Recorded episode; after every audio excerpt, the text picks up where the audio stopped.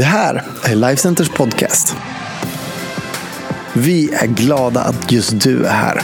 Allt du behöver veta om oss och vad som händer i kyrkan det hittar du på Lifecenter.se och våra sociala medier. Här kommer veckans predikan.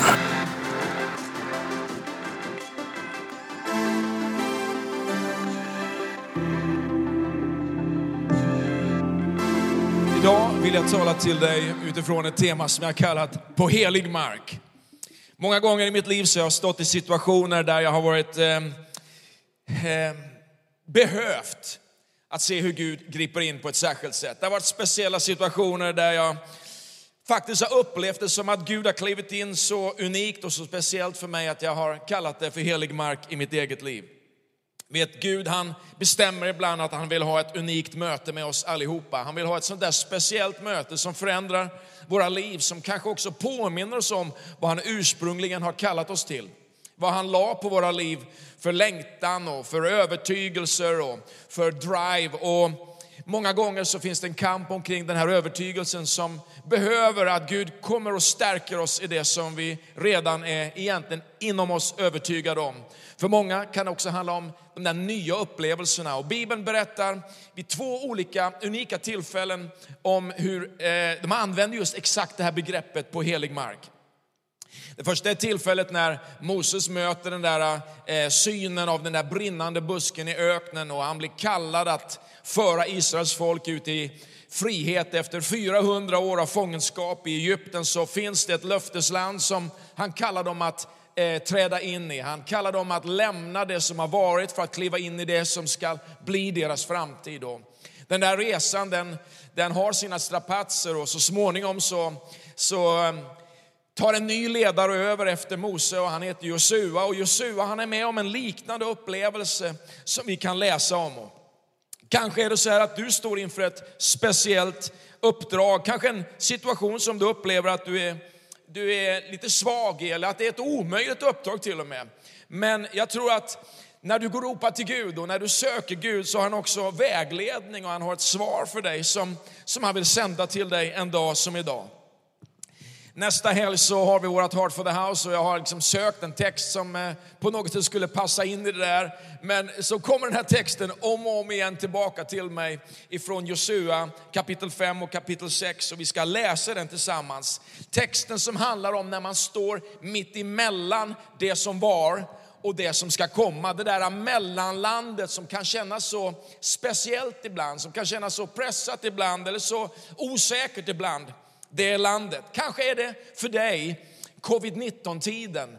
Du vet det där som är mitt emellanlandet mellan det vi känner till av det som var men vi inte riktigt vet om liksom, vad det ska bli. Vi inte riktigt vet vad som ska komma, hur allt ska utveckla sig. Och så står vi i det här mellanlandet idag och så undrar vi vad som ska komma.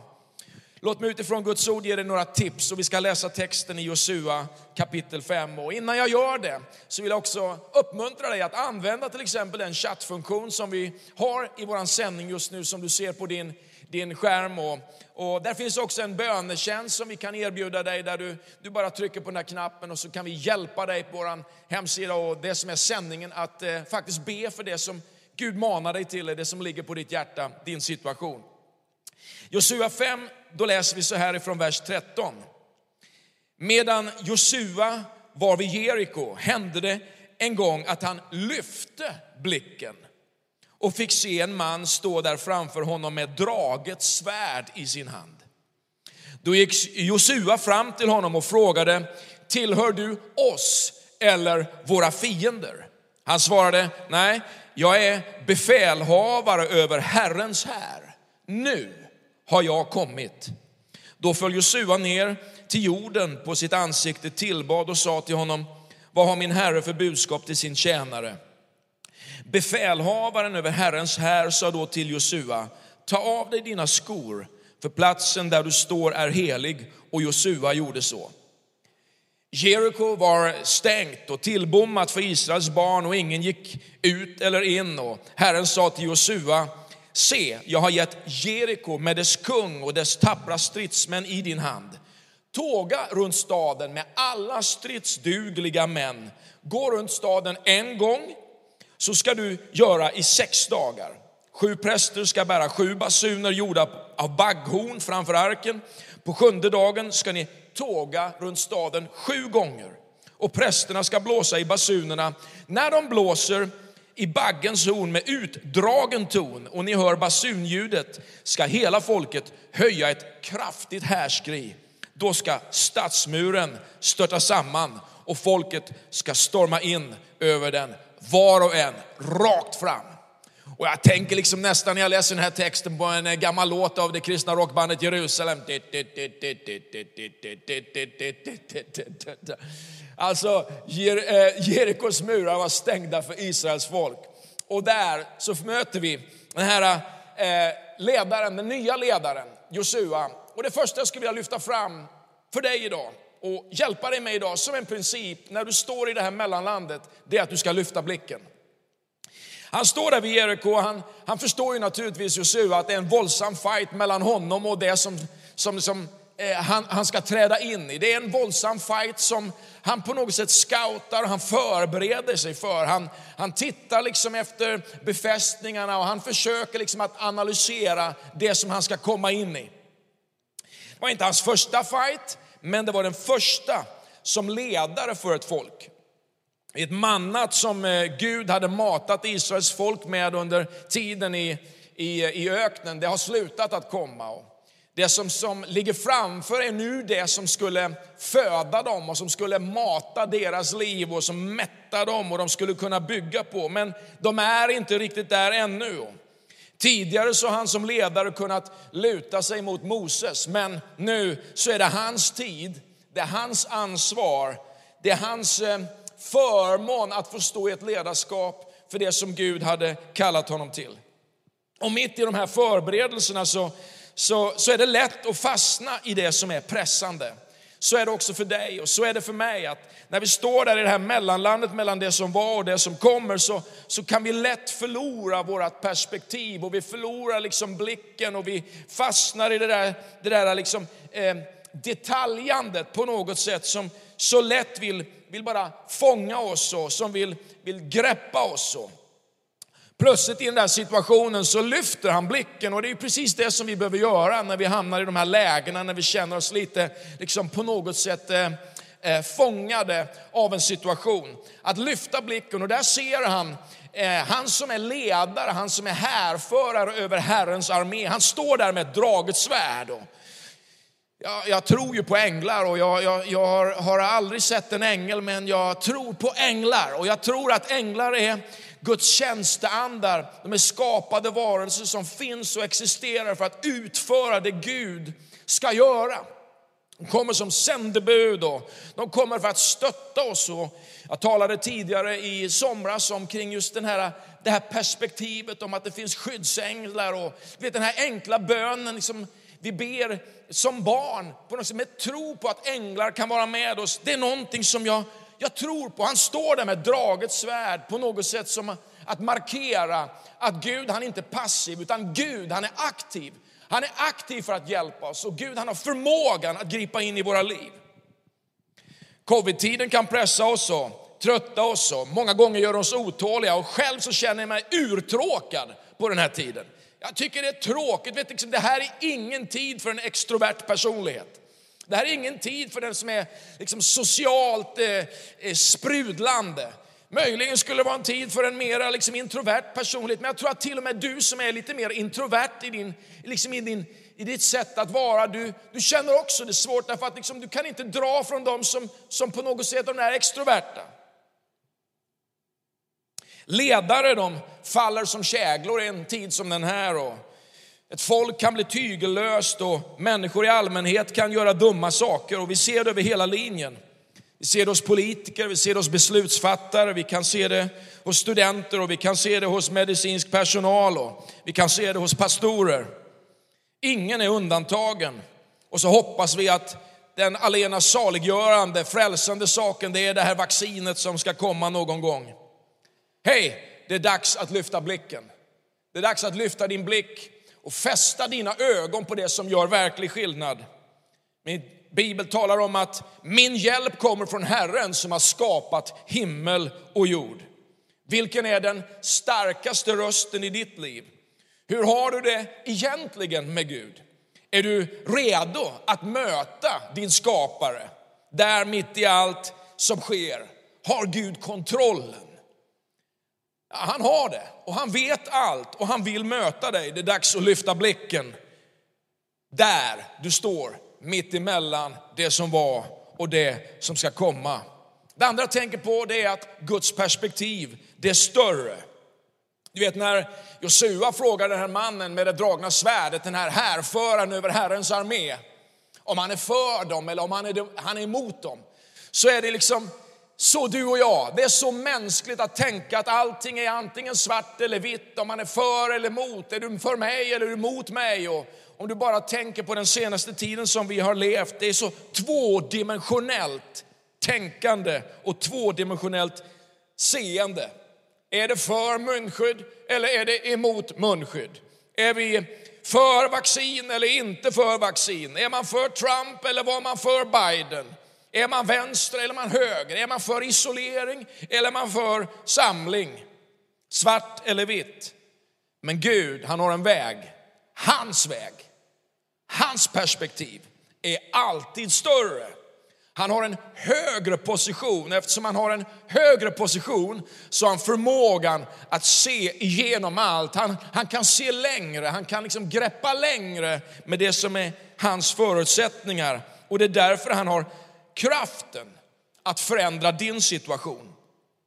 Vet, om det finns en seger så finns det alltid en strid. Och det är någonting som på något sätt hänger ihop. Och min, min bibel, den bibel som du också har framför dig kanske, eller som du refererar till, den talar om att med välsignelse så följer många gånger förföljelse. Och så är det. Och så har det alltid varit för Guds folk. Kanske säger du ibland så här i ditt liv, att om det är en sån fight, om det är en sån oerhörd fight omkring allt det som jag står i eller det som jag ska liksom göra just nu. Är det verkligen Guds vilja om det är en sån fight? Om du går till Markus evangeliums tionde kapitel så står det så här i vers 29 att Jesus säger oss sanningen. Han säger, jag säger er sanningen, säger han.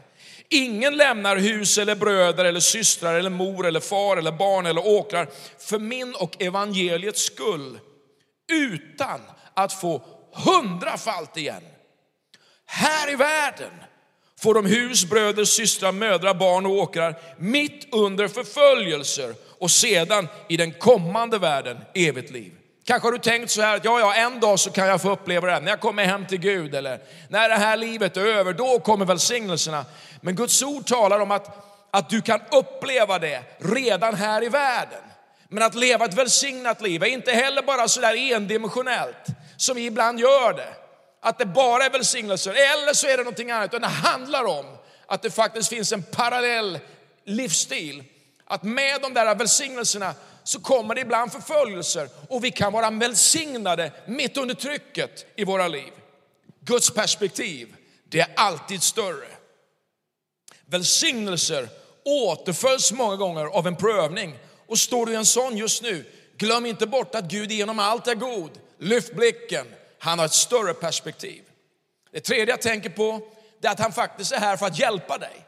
Det är inte bara så att Gud han, han liksom hjälper alla andra eller han tänker bara på sig själv utan han är här för att hjälpa dig. I kapitel 5 här i Josua så står det faktiskt i vers 14 så här, nej nej säger han, jag är vare sig för eller emot, jag är, jag är här nu och jag är befälhavare över Herrens här. Nu, säger han, har jag kommit. Nu, precis här just nu har jag kommit. Vilken underbar sanning det är. Du vet när man kommit till slutet på sig själv, när man kanske har försökt själv så länge att fixa det eller skapa lösningarna. När man inte vet hur man ska klara det, då är han där, befälhavaren över Herrens armé och han säger, nu har jag kommit och jag kan så väl se på mitt eget liv i situationer där jag upplevt hur Gud har gripit in, att det, där, det, det finns liksom ett nu-ögonblick. Du vet när man, när man på något sätt kanske inte ens trodde att det var möjligt och så kommer Gud och griper in i en situation. Han kommer med en lösning. Han kommer med en förändring. Han kommer med hopp, han kommer med mod, han kommer med mirakel. Nu är jag här. Jag tror inte på en Gud på distans, jag tror på en Gud som är nära. Bibeln talar om i Johannes 3 och 16 att Gud älskade världen så mycket att han sände sin enfödde son. Gud, han ser hur den världen är. Han ser hur den här världen ser ut och hur den fungerar och han vet hur vi har stört till det som människor. Hur det är kört egentligen. Men han är inte passiv, han är aktiv och han sänder Jesus Kristus. Gud kommer till oss så att vi kan komma till honom. Och så säger han, nu är jag här. Han är här för att möta oss, han är här för att röra vid våra liv. Och där du sitter eller där du befinner dig just nu så är Gud där. Om du vänder dig till honom så kan du också liksom uppleva att han är där och att han är dig nära. Jag tror inte på en Gud på distans, utan på en Gud som uppenbarar sig, som visar sig och som är här för att hjälpa. Och jag tror att vi som kristna, som troende, har en chans som aldrig förr att förbereda oss för den största skörd som vi kan uppleva som kristenhet för Guds rikes skull. Att väckelse och Jesus namnet är svaret som den här världen behöver. Ett en av mina stora drömmar har länge varit att vi skulle kunna skapa någonting som kunde riktigt på allvar gripa in i en ungdomsvärld. Någon form av center som kunde aktivt, massivt påverka en ung generation i de städer där Gud har sänt oss att jobba. Jag tror fortfarande att det är möjligt. Jag tror att det är någonting som vi kan vara med om. Men det gäller att vi tror Gud om det, aktiverar oss och räknar med hans hjälp. Och det här gäller alla de utmaningar, de områden, de drömmar som vi har som människor. Det fjärde jag skulle lyfta fram, och jag har fem punkter idag så att det här kommer att gå undan nu. Det fjärde jag tänker på det är att vi också behöver helga oss. Det stod i texten här att den här ledaren, härföraren över Herrens armé, han säger så här, ta av dig skorna, för platsen där du står är helig. Det är liksom någonting annat än en Povel, Povel Ramel-låt om att ta av sig skorna. Det här är någonting som är, liksom, eh, det, det är fäst vid en helighet och det är en, det är en sanning som, som är så ifrågasatt många gånger. Du vet när man, vad, vad är det egentligen som är heligt? Vad är det egentligen som är allvar på riktigt i en andlig värld? Vad är det som gör att människor kan ställa sig utanför en kyrka i södra Frankrike och skjuta ihjäl kyrkvaktmästaren och skära halsen av någon? Vad är det som gör att någon kan gå in i en katolsk kyrka och fördärva kyrkorummet som någon gjorde igår? Det finns helighet och det finns helig mark och det finns ett enormt behov av att böja sig under det som är Guds vilja. Jag vet inte vad som är helig mark för dig, men jag skulle kunna förklara det på sånt här sätt. Helig mark, det är en plats som Gud har lovat dig. Helig mark, det är en plats där Gud kallar dig. Helig mark, det är en plats där mirakler sker. Helig plats, det är en plats där Jesus blir upphöjd. Helig plats och helig mark, det är där Jesus förlåter synder. Helig mark, det är en plats där Gud talar till dig. Han talar till dig. Och det gör att oavsett om du sitter i din bil, om du är på bussen eller om du sitter i ditt hem just nu så kan den platsen där du är vara helig mark. Ta av dig skorna, gör ett aktivt val. Sluta kämpa i egen kraft och böj dig under det som är hans makt och vilja. Och du ska se att hans kraft, den räcker till allt. Ta av dig dina skor och helga dig och låt honom beröra dig och genomsyra dig. Säg idag, inte som jag vill, utan som du vill. Ske din vilja ber vi i himlen så och på jorden. Det är helig mark. Till sist, det gäller också att komma i linje med det som är Guds vilja. Det stod i texten här att Jeriko var stängt och tillbommat för Israels folk och ingen gick in och ingen gick ut. Vad är det som är stängt för dig idag? Vad är det som är igenbommat för dig idag? Så att du vare sig kan komma in eller ut. När du låter ditt liv linjera, komma i linje med det som är Guds vilja och Guds plan, så spelar det ingen roll om det ser ut att vara stängt eller om det ser ut att vara öppet. Därför att Gud, han har en plan som håller. Och det står i vers 2 här i det sjätte kapitlet att se, jag har gett Jeriko med dess kung och dess tappra stridsmän i din hand. Gå runt den här staden en gång om dagen och i sex dagar ska ni göra det och den sjunde dagen så ska ni gå sju varv och sen när ni alla tutar i, i basunen och i de där hornen så, så ska ni ge upp ett härskri och inta staden.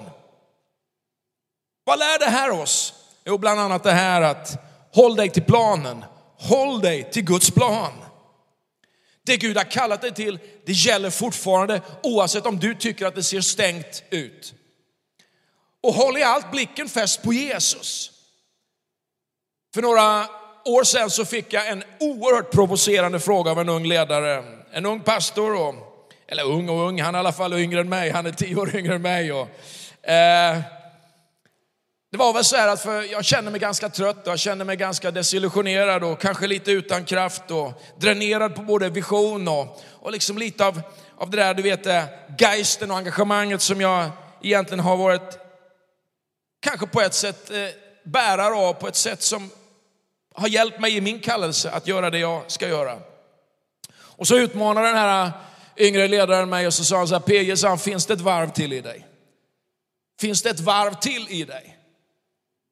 Och jag blev ganska provocerad och så sökte det, alltså på något sätt så, så gjorde det att jag sökte mig mer till Gud och det som, som var hans vilja och hans plan för mitt liv. Och jag, jag liksom drog mig närmare Gud och frågade honom, Gud, det måste väl finnas ett varv till i mig?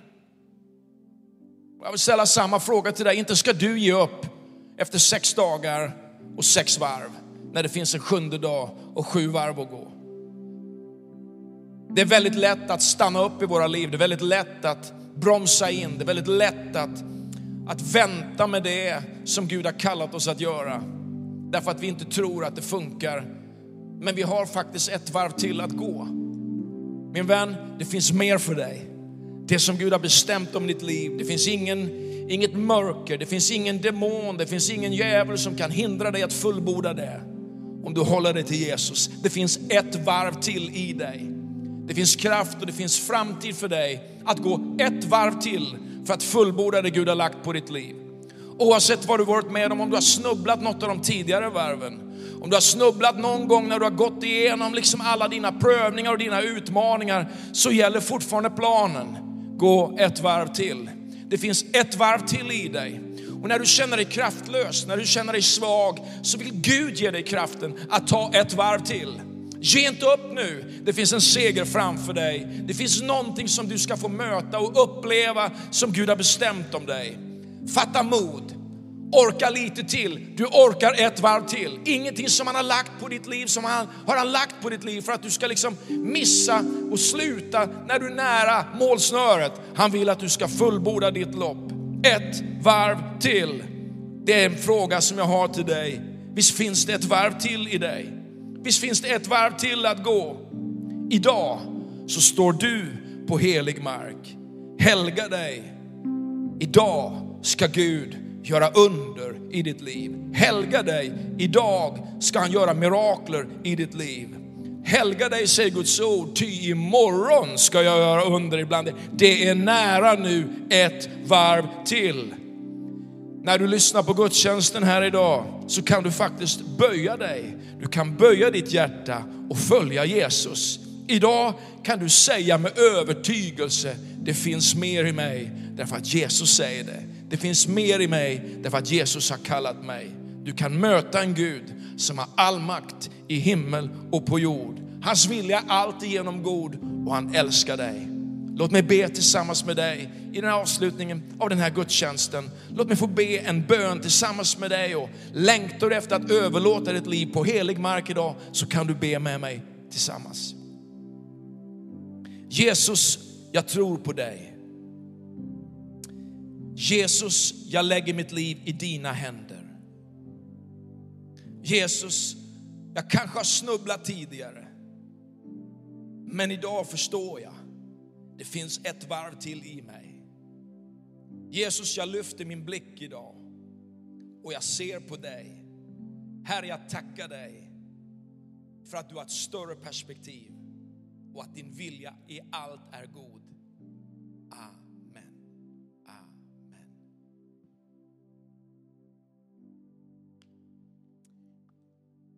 Tack Per-Johan för en fantastisk predikan. Så otroligt bra.